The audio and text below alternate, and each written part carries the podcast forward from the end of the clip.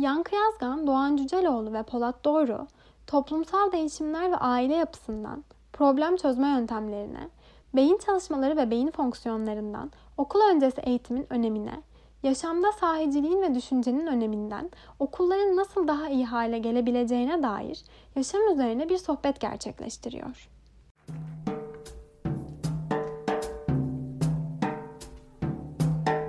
Değerli izleyenler, İnsan İnsana programına hoş geldiniz. Umarım iyi bir hafta sonu geçiriyorsundur. Bugün bir konuğumuz var. Profesör Doktor Yankı Yazgan. Yankıcığım hoş geldin. Merhaba. Tekrar. Hoş geldin. Merhaba. Evet, Merhabalar. uzun zaman oldu böyle randevuleştik. Bekliyordum bugünü. Evet, zaman bazen hani çok bir şeyi beklediğimiz zaman yavaş da geçiyor. Evet, biliyorsunuz. evet. Gerçekten hoş geldin. Biliyorsun seninle dostluğumuz çok derinlere gidiyor. Ben yüzünü hayal ediyorum. Ee, zannederim o zaman asistandın galiba. Ben içimizdeki çocuk konusunda falan Doğru. konuşmuştum. Sonra çıkmıştık böyle bir karşılıklı. Ben Amerika'dan gelmiştim. Doğru, geçici olarak. 80'lerin sonu. O kadar eski mi 88 hocam? tabii ki. Evet. Vay ben bunu bilmiyordum ya. Evet, hatta o dönemde Cumhuriyet Bilim Teknik İlavesi'nde yazılmış iki tane yazı var o konuda. Hani o zaman ben oraya yazılar yazıyordum. Ee, yani orada içimizdeki çocuk kavramı Aha. e, çok yeni ve değişik bir şey Doğru. olarak gelmişti. Psikiyatri asistanıydım hastanede Marmara Tıp Fakültesi'nde. Ee, oradan edindiklerimi e, hemen yazıya dökmüştüm. Bir yazı yazısını da iki tane yapmıştım. Vay be. Ve o zaman başlayan ilişkimiz hem kafa hem gönül olarak devam etti. Sonra ailece Ne mutlu. tanıştık. Ee, Ne güzel. ve inşallah uzun yıllar devam eder. Öyle. Yankıcığım şimdi eee, sürekli toplumda olup biteni gözleme durumdasın. Aileler geliyor, çocuklarını getiriyorlar, dertlerini anlatıyorlar. Sen tahmin ediyorum bir yandan eee, aileyi dinliyorsun, bir yandan o genci, eee, ergeni, çocuğu dinliyorsun. Bir yandan da toplumda olup biteni gözlüyorsun. Yani böyle üç aşamalı bir şeyler oluyor sende. Eee, merak ettiğim şu, eee, Zaman içerisinde bizim toplumda böyle tek kendisini tekrar eden e, mekanizmalar, e, örüntüler görmeye başladın mı? Aile yapısıyla ilgili, sorunlarla ilgili e, ve baktığın zaman ha yine böyle bir durumla karşı karşıyayız gibi falan. Ee, evet, e, e, yani bunu yapmak için biraz çaba da harcıyorum ama imkanlar da ona elverişli. Çünkü hem e, uzun bir süre üniversite hastanesinde e, öğretim üyeliği yaptığım için çalıştım. Orada toplumun değişik sosyal katmanlarından kişilerle karşılaşma imkanım oldu doktorları olarak. İşte özel doktorluk yapıyorum. Orada başka sosyal katmanlardan e, imkanlar oluyor. Bir de e, birçok başka genç hekimin yetişmesinde e, rol oynamaya e, çalışıyorum. Görevim o zaten, görevlerimden birisi. Onlar aracılığıyla da onların perspektifinden de aileleri görme. Yani bir başka kuşağın gözünden aynı şeylere bakma imkanım oluyor. Bu biraz karşılaştırarak çok katmanlı bir görüş açısı veriyor. Umarım onu e, daha kristalize etme imkanım olur önümüzdeki dönemde ama bir şunu görüyorum. Bir değişmezler var. Yani 30 yıl, 300 yıl, 3000 yıl değişmezler var. Çok önemli. Ee, çocuklarımız için içimiz titriyor. Her anne babanın. Yani içi titriyor. iyi bir şey yapmak istiyor, doğru bir şey yapmak istiyor. Bir de bir başka durum var. Bir de güncel gerçekler var. Bu değişmezleri güncel gerçekler e, sağa sola kımıldatıyor. Güncel gerçekler örneğin e, yarışmacı, ayıklamacı bir eğitim sistemi içinde çocuk yetiştiriyorsanız e, başarı konusu Önemli. e, önemli ve hatta bir e, kavga konusu haline gelebiliyor. Hani sizin çünkü kaygılarımızı kaygılarımızı da çocuklarımızla ilgili çocuklarımızın gelecekte ne olacaklarıyla ilgili kısım oluşturuyor. Başka bir kaygımız yok. Açıkçası temelde. Evet. Ama onları geleceğe iyi hazırlamakla ilgili zorluklar var. Ben alanım gereği çocuk ruh sağlığı ve hastalıkları uzmanı e, olarak çocuk ve ergen bunu engelleyebilecek ve psikolojik, biyolojik kaynaklı problemler benim önüme daha çok geliyor. Ve bu problemlere yaklaşımlarına baktığımız zaman ailelerin doğruyu ararken e, aslında kendi hayatlarını da çok sıkı bir şekilde gözden geçirmeleri gerektiğini fark ettikleri zaman yani sadece al getireyim çocuğu sana tamir et, işte dikkati düzelsin, davranım bozuklukları azalsın. bu şekilde olmayacağını bir doktorla, psikologla, e, danışmanla bir ortaklık ilişkisi içerisinde bunlarla başa çıkabileceklerini, bu zor- zorluklarla yapanlar hallediyorlar. Ama bazen endişe o kadar yoğun oluyor ki e, çıkış yolu bulamadan oradan oraya koşuşturarak e, hani kolay çözümleri hepimiz arzu ediyoruz. Hemen olsun, her şey bir an evvel zahmetsiz olsun. Buna yönelen ailelerin sayısında da bir artış gördüğünü olduğunu görüyorum. Bu önemli. Bu Evet. hakikaten Çünkü yetişmeyecek derdi var. Mesela diyor ki bir öneride bulunuyorsunuz. E bunu pratik olarak nasıl yapacağız? İşte bazı şeyi nasıl yapacağınızı elinizi tutarak birisinin göstermesi çok da iyi bir şey değil yani bir kere. O da bir kalıplama oluyor nihayetinde. Senin kendine özel bir çözüm üretmen gereken bir durumdan bahsediyorsun. Çünkü yani o sorunu ortaya çıkaran koşul senin özelinle ilgili. Bu sefer çözmek için dışarıdan gelen kalıbı uygulamaya kalktığında da çözülmeyecek Ya da muhtemelen. o problem çözülse bile başka, Başka bir konu bir çıktığında yani. bu sefer hadi tekrar e, danışman bağımlılığı diyorum ona. Yani. Aa, Yani o da güzel terimmiş ya. Anlatabiliyor muyum? Devam, e, bu şekilde olmaz. Hani taşıma suyla değirmen döndürmeye dönüşüyor. Örneğin bu sadece ailelerde değil. Örneğin e, öğretmenlerimiz, eğitimcilerimiz, biz doktorlar.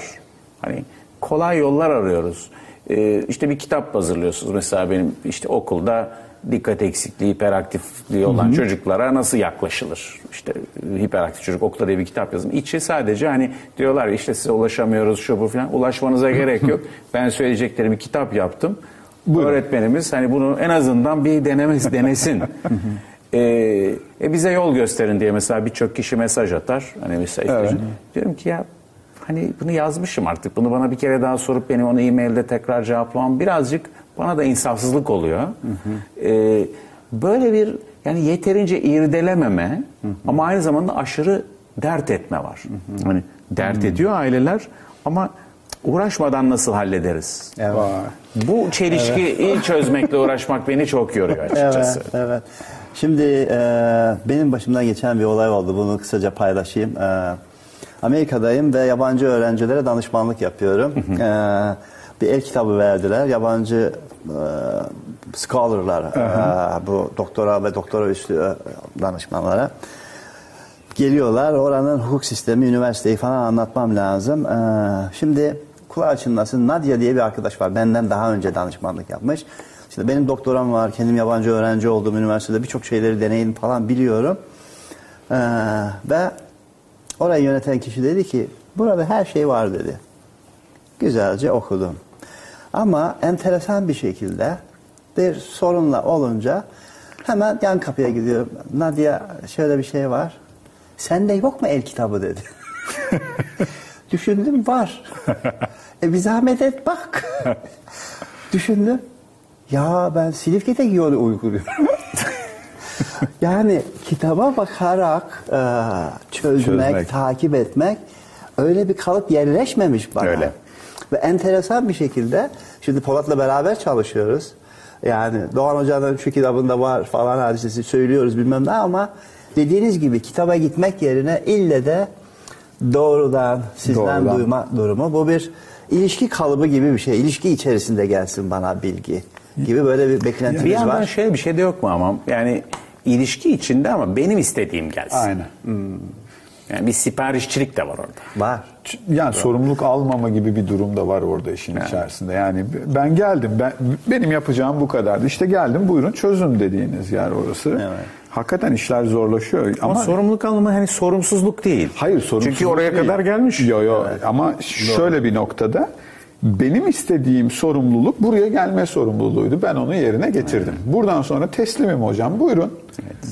Bu birçok mesela yine hani hekimlerle, çocuk hekimleriyle çok yakın e, ilişkim oluyor. De birçok konuda konuşuyoruz. Eşim de çocuk hekimi yani zaten yakın ilişkide olduğum bir insan. E, ama oradaki şeye baktığınızda orada da e, hani aileler sorumluluk duyguları var. Var. Endişeleri var. Dert ettikleri şeyler doğru. Evet. Bir sonraki adıma geçmekte bir cesaretsizlikleri var. Yani bu insanların hepsi yani çoğu e, hayatta bir şeyler başarmış. Çok önemli birçok şey ortaya koyabilmiş bir eğitimleri, işleri, güçleri vesaire insanlardan bahsediyorum. E, o cesareti ne kırıyor diye ben düşünmeye başladım. Hani cesareti cesaretsizliği bir korkaklık diye de düşünmüyorum yine. Ama bir yani yapabilir miyiz acaba? Yani yapabilir miyiz? Yapabileceğinden bir e, endişe veya kuşku duyduğunda yapmamak için bu sefer mazeret uydurma aşamasına geçiyoruz. Bu herhalde yani sizin e, kitaplarınızda aslında cevabı var. Mesela kalıplayıcı eğitim sisteminin çok standart bir ürün. Çok parlak olabiliyoruz. Ama çok parlak olmamız yeterince ışık saçmamıza yetmiyor yani. İyi ki bu gözlemleri yapıyorsunuz ve e, haftalık yazılarınız var. O haftalık yazılara giriyorsunuz, gözlemlerinizi paylaşıyorsunuz, yazıyorsunuz. Böylelikle e, sadece sizde kalmıyor bu, devam ediyor. Ama izin verirseniz ben biraz e, şöyle bir istikameti değiştirmek istiyorum. Yani son 20 yılda beyin çalışmaları gerçekten çok önem kazandı, hız kazandı ve siz çok yakından takip ediyorsunuz. Ve çok şükür bununla ilgili de öğrendiklerinizi mümkün olduğu kadar ana babalara, öğretmenlere, yöneticilere, gençlere ulaştırmak için bir çaba harcıyorsunuz. Burada fırsat bulmuşken bu beyin çalışmalarında böyle son 20 yıl içerisinde nelerin farkına vardık? Şöyle bir kısaca Çok teşekkürler. Benim sevdiğim bir konu. Aslında bu son 20 yılın ilk e, 8-10 yılı bizzat elleri yani işin içinde olduğum bir zaman. Daha çok araştırmacılık yönümün daha güçlü olduğu bir zamandı. Şimdi biraz daha takipçi araştırmacı pozisyonum. Arada bir e, kendime gelip birazcık daha yapayım, ellerimi için içine soktuğum araştırmalar yapayım diyorum ama araştırma dünyasında müthiş bir özellikle genetik ve e, genetik alanındaki gelişmeler e, ve beynin işleyişi alanındaki e, çalışmaların gösterdiği birkaç önemli husus var. Özellikle çocuklar ve ailelerle ilgili kısma bakarsak e, bir beyin gelişen bir yapı. Bu kesin. Bunu biliyorduk ama aslında bunu ispatlamamıştık. Bu gelişen yapının getirdiği özellik farklı zamanlarda beyin içerisinde farklı sistemler, farklı süratlerde gelişiyor. Örneğin kendimizi kontrol mekanizması. Ee, bu her zaman geliştirmeye çalıştığımız sporla, sanatla, kültürle, dinle, felsefeyle kendimizi nerede tutacağımız, nerede durduracağımızı aslında zaman içinde öğreniyoruz. Aklımıza geleni nerede söyleyeceğimizi örneğin. Ee, Ne kadar önemli. Evet, yani eline diline beline hakim ol e, halkımızın uydurduğu, Evet. yarattığı daha doğrusu sözün Evet. e, özünde bu beceri ne zaman gelişiyor? Mesela biliyoruz ki 12-14 yaş civarından önce bu konuda büyük bir performans aslında yok. Yavaş onun, yavaş. onun öncesinde bekliyor olmak da çok anlamlı değil bu Evet. noktada değil Örneğin mi? bu bize e, doğrudan doğruya bir bireysel uygulamalarla e, uygulamalara yansıyan bir yanı var. 12-14 ile 16-18 arasındaki dönemde ise görünüşte bu Gelişiyor. inşaat beyin inşaatı diyelim ona tamamlanmış ama daha iskan ruhsatı almamış bir inşaat gibi. Kullanılmıyor. Çok hazır güzel. değil yani. ne kadar önemli. Evet. Çok. Yani bina hazır ama giremiyorsunuz. Oluyor Evet, öyle bir. evet. Süper. Şimdi o nedenle o dönemde o ruhsatlandırma işlemleriyle geçiyor. Ee, böyle olduğu Çok zaman e, o yaştaki grup e, az önce bir İstanbul'un e, hoş bir lisesinde bir konferanstan geldim. Oradaki arkadaşların e, konuştuğumuzda da bunun izlerini onlar da kendilerinde gördüler. E, hazır ama hazırlıksız bir durum var yani Doğru. oradaki şeyde. Ve o nedenle bazen e, o yaş grubundaki gençlerden ne bekleyeceğimizi, zekalarına aldanmamamız gerekiyor. Çok parlaklar ama bazı konularda hala muhakeme ya. sistemleri e, yakalamakla uğraşıyor. Sen onlara gelişmeleri bitti tamam sen oldun demek yerine o olgunlaşmanın o son e, aşamalarının yıllandırma kısmının daha çok olması gerektiğini gösteriyor çalışmalar.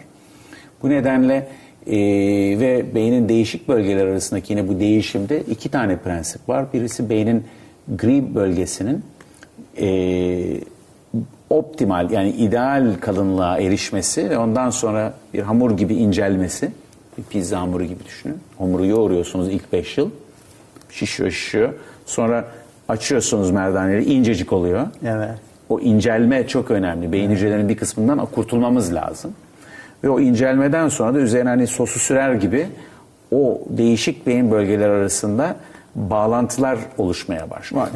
Ve çünkü bunlar odacıklar gibi düşünürseniz fonksiyonları, fonksiyonların birbiriyle senkronize olması, eş güdümlü çalışıyor olması lazım. Onu sağlayan sos da bu 12 ile 18 arasındaki dönemde beyaz madde adı verilen bir tür fiber optik şebeke şeklinde gelişiyor. Evet. Bu şu anda artık hani pek değişmeyecek tipte bir bilgi.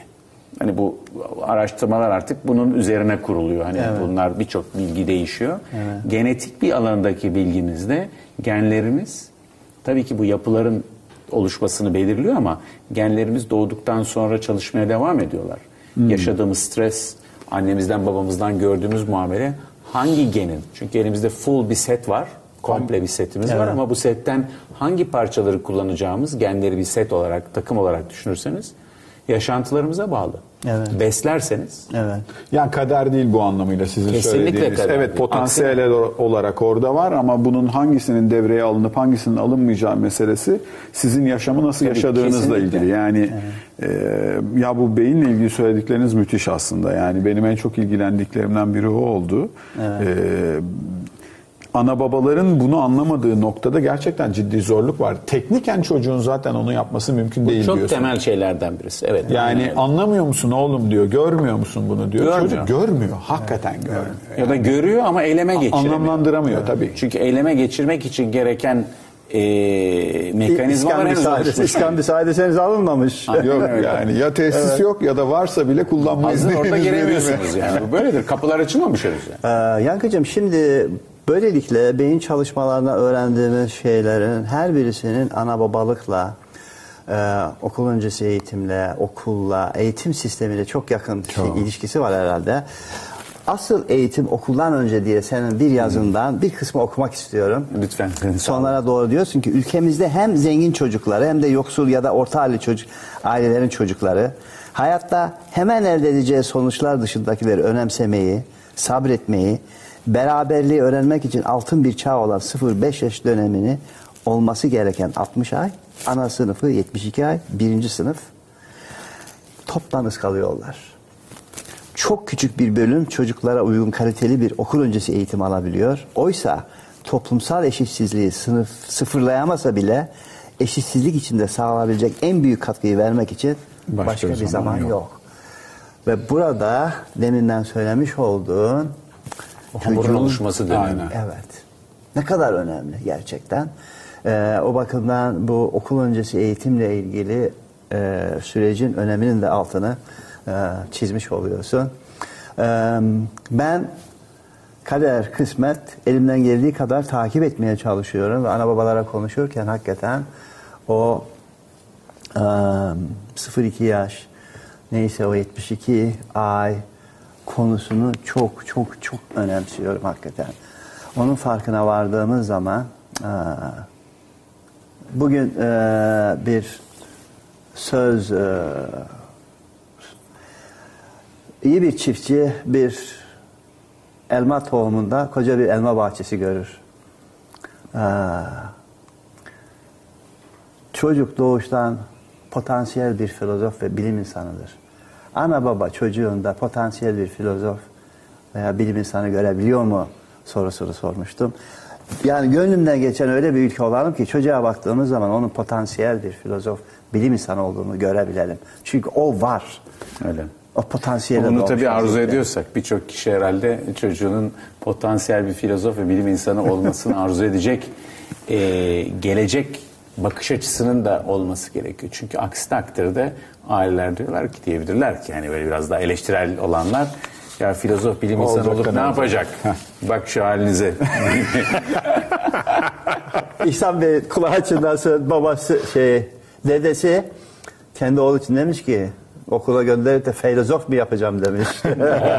Bırakmış almış okuldan e, Cumhuriyet öncesi, C- Cumhuriyet'in ilk Ki başlarında. filozofluk tabii deyince sadece bir eğitim değil. Aslında düşünen insan olmak. Aynen Yani öyle. Şey yani yoksa bir e, tabii ki bir insan e, esnaflıkta yapsa, tüccarlıkta yapsa bilim insanı gibi düşünen e, bir felsefeci gibi akıl yoran insanlara rastlıyorum. Siz benden çok e, iç içe geçiyorsunuz Anadolu'da, başka yerlerde. Benim de dikkatimi çeken aslında birçok insan görünüşte iyi eğitim görmemiş ama e, kenarından köşesinden yakaladıklarıyla o e, bilim yapmasa da, felsefe yapmasa da filozof ya da bilim insanı gibi düşünen birçok kişiye de rastlıyoruz. Haklısın ben de rastlıyorum ve. O umut veriyor insana. Evet çok çok, Çok, bilgelik çok. gerçekten. Kalp çarpar beyin böler. Kitabın başlığı. Evet, bu benim ilk popüler kitabımdı. Yani popüler deyince 10-15 bin tane kişinin okuması e, kitabı büyük bir saadet, e, ayrıcalık yani öyle hissediyorum ben. E, bu temelde insanların duyguların ve düşüncelerin birbirinden kopuk olduğunu, insan ya duyguludur ya düşüncelidir. Ya da ya beyni ile her şey halleder ya da işte yüreğinden gelen duygularıyla. Bu iki dünyayı birbirinden farklıymış gibi görme eğilimi bilimde de uzun yıllar Descartes'tan Evet, bu yana doğru. dualizm denen malum. Ee, ama son işte bu 20 yılın çalışmaları yine gösterdiği duygu ve düşünce dünyamız günlük yaşamımızda olduğu gibi beyin sistemlerimizde de çok birbiriyle, Birbiriyle ilişkili. iç içe. Ve e, duygularımızın ve sezgilerimizin muhakememiz ve düşüncemiz üzerine etkisi çok büyük. Çünkü duygusuz bir dünya yok. Duygusuzsanız vah vah yani öyle diyelim. E, o dengeyi tutturabildiğiniz ölçüde e, mutlu, başkaları için bir şeyler yapan ve hayatına anlam veren birisi olabiliyorsunuz düşüncesiyle kitabı. Çok güzel. Çok güzel değil mi? Çok güzel. Ben büyük zevk almıştım. Ee, Ya ben bir şey sormak istiyorum Buyurun. hocam. Şimdi e, ben Yankı Hoca'nın aynı zamanda çizim yapmaktan hoşlandığını da biliyorum. Yani sizin kitaplarınızda da çizimleri var, kendi kitaplarında da çizimleri Evet. var. Ee, ve hakikaten bir fikri çizimle ifade etmek anladığım kadarıyla önemli sizin açınızdan. Bunu bunu değerli ve anlamlı buluyorsunuz. Evet çok değerli. Yazmaktan daha değerli bulduğumu söyleyebilirim. Ben Benim ciddi. açımdan öyle. Aa müthiş. Yani ben çizemediğim şeyleri yazıyorum yani. Vay be. çok güzel söyledin. Ama ben duygusunu yaşıyorum onun okurken sizin kitaplarınızı. Eğer bir çiziminiz varsa içerisinde ve şeyi de görebiliyorum. Hakikaten çok emek var. Yani çok basit görünüyor. 3-5 tane çizgi çizilmiş gibi Evet, ama biraz baştan sağma gözüküyor Baştan sağma gibi gözüküyor Evet. ama e, o mizanseni kurgulayabilmek çok kolay bir şey değil. Yani ben işte Doğan Hoca'nın internet sitesi için resim seçiyorum mesela. Bir yazıyı okuyorum ve ondan sonra bir resim seçmem gerekiyor. Bazen iki buçuk üç saatimi alıyor. Çok zor iş doğru. Yani ve seçtikten sonra bakıyorum diyorum ki ya hiç alakası yok gibi görünüyor ama cuk diye oturdu buraya diyorum. Yani çünkü çağrışım mekanizmasıyla evet, çalışıyor. o da bir sezgi ve hisle oturan Aynen, bir şey. aynen öyle. Siz Doğan Hoca'nın Korku Kültürü kitabının resimlerini Evet bana öyle bir ayrıcalık verdi Doğan Bey. Evet ve çok teşekkür ediyorum Ben şu teşekkür anda. ederim. Bence bir Herkesin ayrıcalık huzurunda. yani. Sağ olun. Evet. Ben bunlardan bir tanesini size sormak istiyorum hocam. Bu bu Hangisi? çizimle ne anlatmak istediniz diye. Şurada da göstereyim bunu. Ben de buradan görüyorum. heh, burada oğlunun kafasını okşayan bir baba var ve diyor ki oğlum doya doya oynayabildin mi? Evet. Şimdi ben bu bu repliği biliyorum. Bu Doğan Evet, Hoca'nın repliklerinden bir tanesi. Fakat çocuğun cevabı müthiş. O da diyor ki bu yeni numara galiba. Hocam burada ne anlatmak istediniz? Burada söylemek sorma- istediğim şey bu Doğan Bey'in e, konuşmalarında, kitaplarında, o kitapta da var zaten. Yani kardeşim çocuğuna işte bugün ne not aldın, ne yaptın değil de bir hani Aha. keyifli bir şey yaptın mı diye sor diye bir tavsiye var. Evet.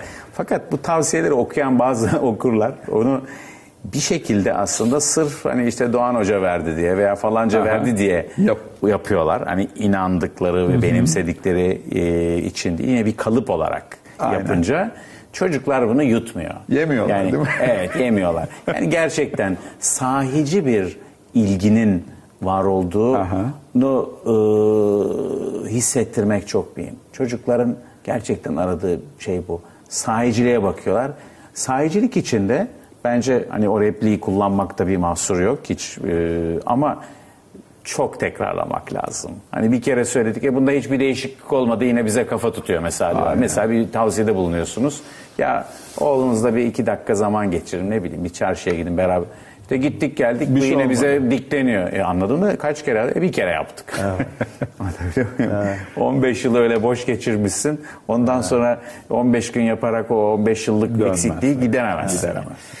Yankıcığım e, ben bir canlı e, programa katılıyorum yayında. Bağlanıp telefon edebiliyorlar. Birçok kişiler sorular dile getiriyor. Şöyle baktığım zaman bir genellemeye varıyorum. İki türlü bakış tarzı var. Bir tanesi yaşam bir şeylerin aracı. Nedir bu? Mevki, makam, şöhret, mal, mülk, şu veya bu şekilde elde edeceksin. Ve yaşamı ancak bu anlamlı kılıyor. Onun için ben çocuğumu mal, mülk, mevki, makam bu tür başarılar için yetiştirmem lazım. Benim görevim bu diye bakıyor ve ona göre bir tarafa sokuyor. Öbür felsefe ise yaşam yaşamak için anlamlı, coşkulu ve güçlü bir yaşam olsun. Olabileceği en iyi şekilde gelişsin. Nasıl olsa bir ekmek bulur. Ama önce o kendisi olsun, yetişsin. Şimdi buradaki felsefe, oğlum doya doya oynadın mı sorusu böyle bir felsefenin içerisinde. Çocukluğunu doya doya yaşasın. İsterse 5 yıl sınıfta kalsın. Çocukluğunu doya doya yaşasın bu çocuk. Anlamı. Şimdi buradaki felsefedeki adam bunu böyle söylerken ağızdan söylüyor. Çocuk da anlıyor bunu lan.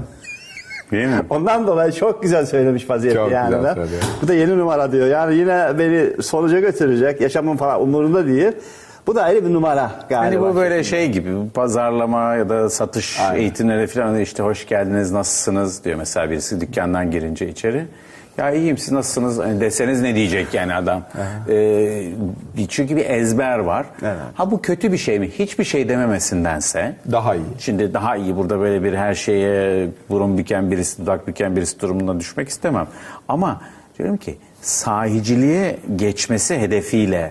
Çünkü sahiciliğini hissedersek birisinin bize gerçekten yardım etmek istediğini hissettiğinizde ya da gerçekten samimi olarak bizden bir şeyi talep ettiğini istediğimizdeki karşılığımızla alel usul, e, yarım ağızla, Türkçe'de çok laf var, yani adet yerini bulsun diye yapılan şeyler arasında büyük büyük, büyük, fark, var.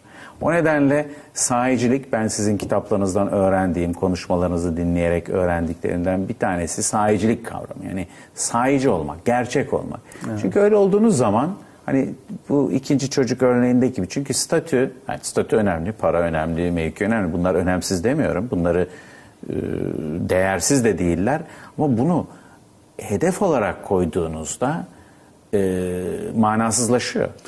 Bence orada bir başka manasızlaşma da var. Yani kişinin kendiyle ilişkisinde de çok içten içe biliyor ki bunlar sahici değil. Talep eden olarak ben de sahici değilim kendimle ilişkimde ve onun tedirginliği ve kaygısının da çocukta bir yansıması oluyor bence. Çok içten içe biliyorsun ki bunlar mutlu etmeyebilir çocuğu. Öyle. Belki sen yakaladın ama ve mutlu değilsin. Burada bir başka oyun açılmış.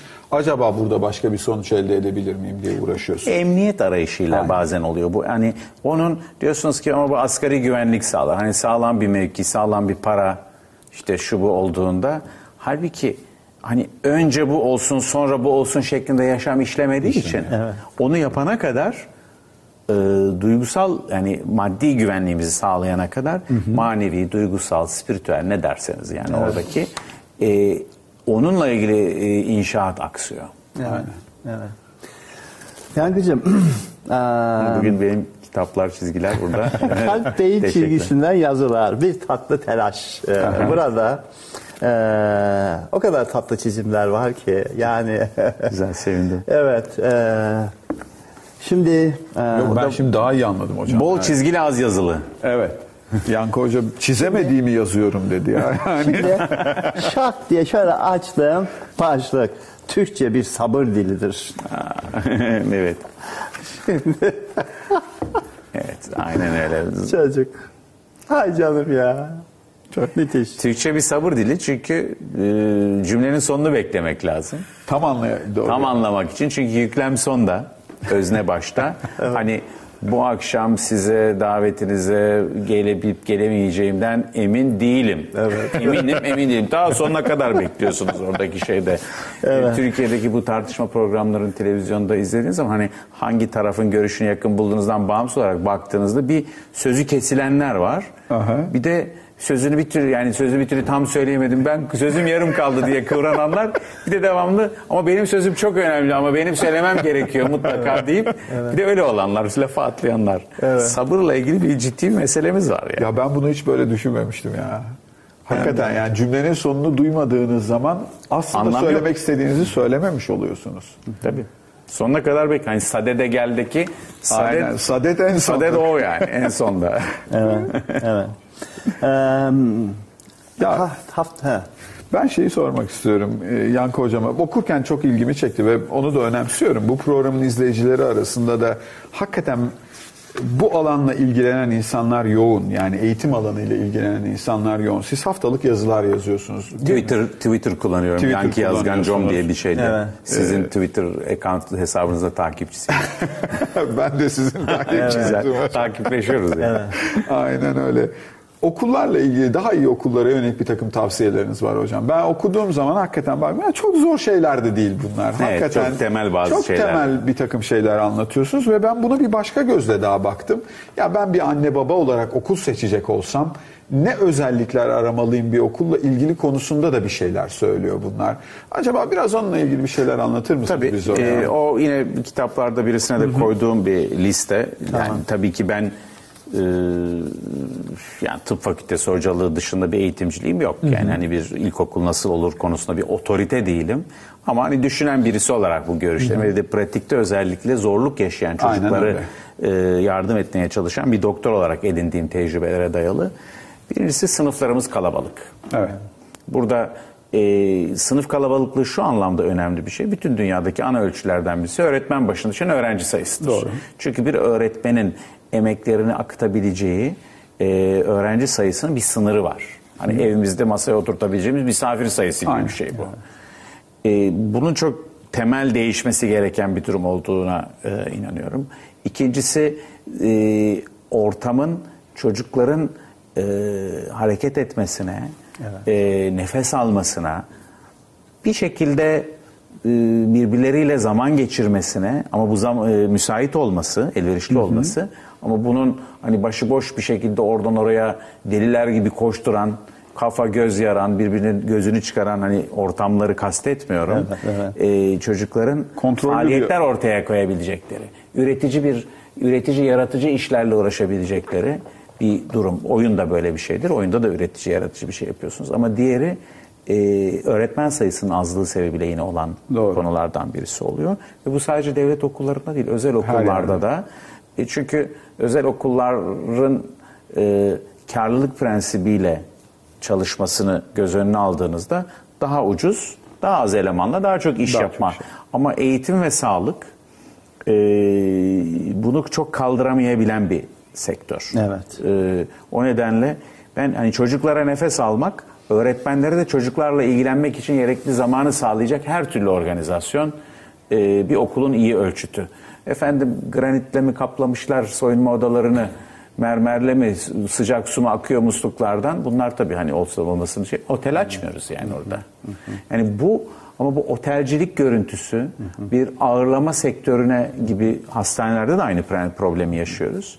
Ee, dönüştürdüğünde allama pollama ve bir müşteri memnuniyeti. Sağlık ve eğitim müşteriyi memnun etme yeri değil. Çünkü müşteri neden memnun olacağını her zaman doğru bilmeyebiliyor. Şimdi tabii müşterinin ölçebileceği bir şeyi sunmaya çalışıyor orada sektörde. Diyor ki yani eğitimin kalitesini ölçebilecek bir altyapı var mı? Kısa vadede olmayabilir. Sağlıkla ilgili böyle bir geri bildirim alabilir miyim? Alamam ama granit güzel midir? Kapı güzel yapılmış mı? Bina harika mı? Bilmem ne mi?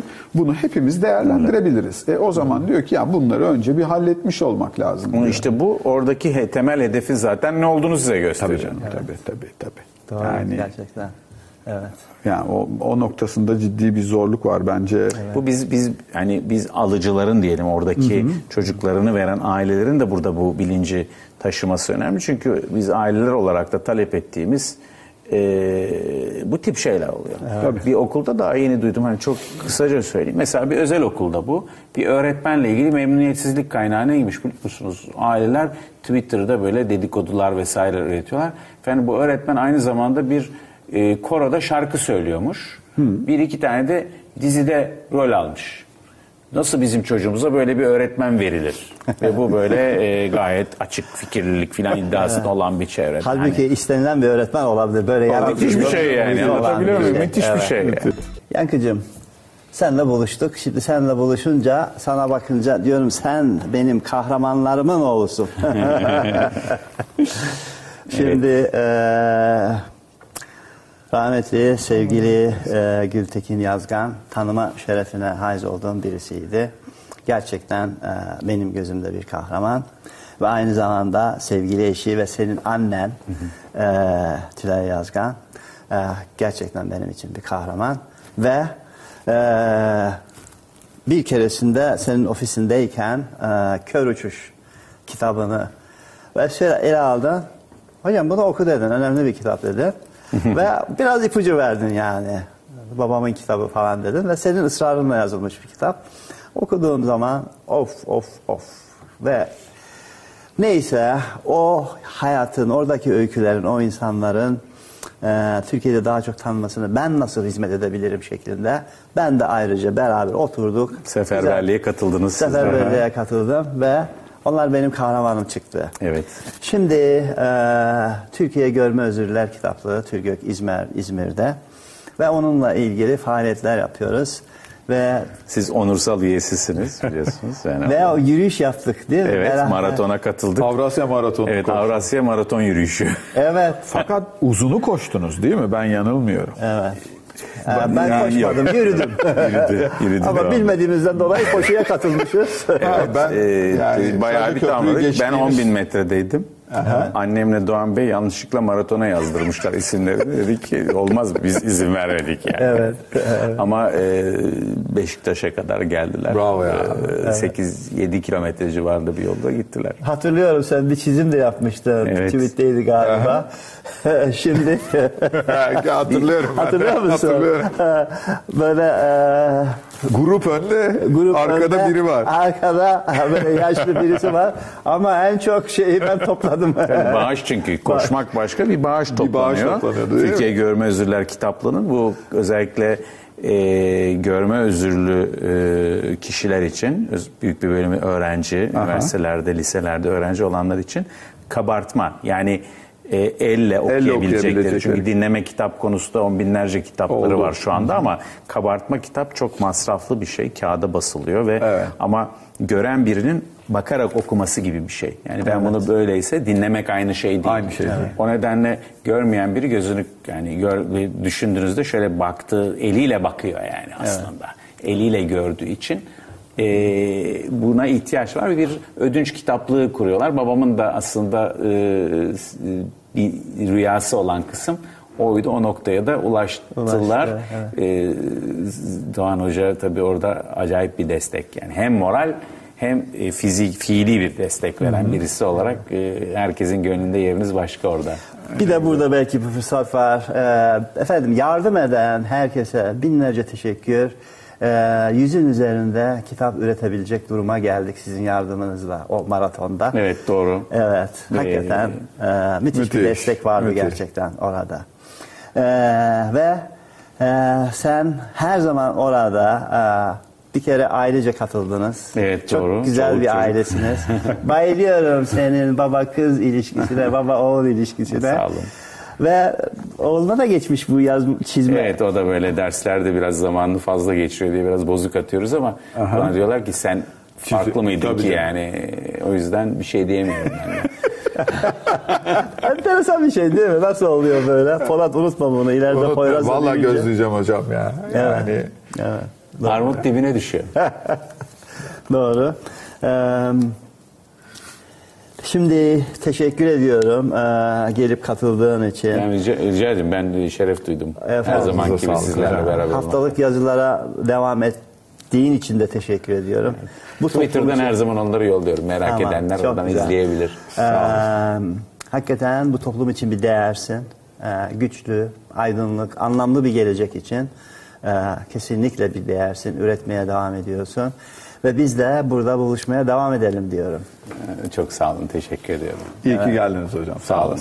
Beraber olmak güzel. Sağ olun. Değerli izleyenler, efendim önümüzdeki hafta bir başka konuda sohbet için bekliyoruz. Hoşçakalın efendim. Hoşçakalın.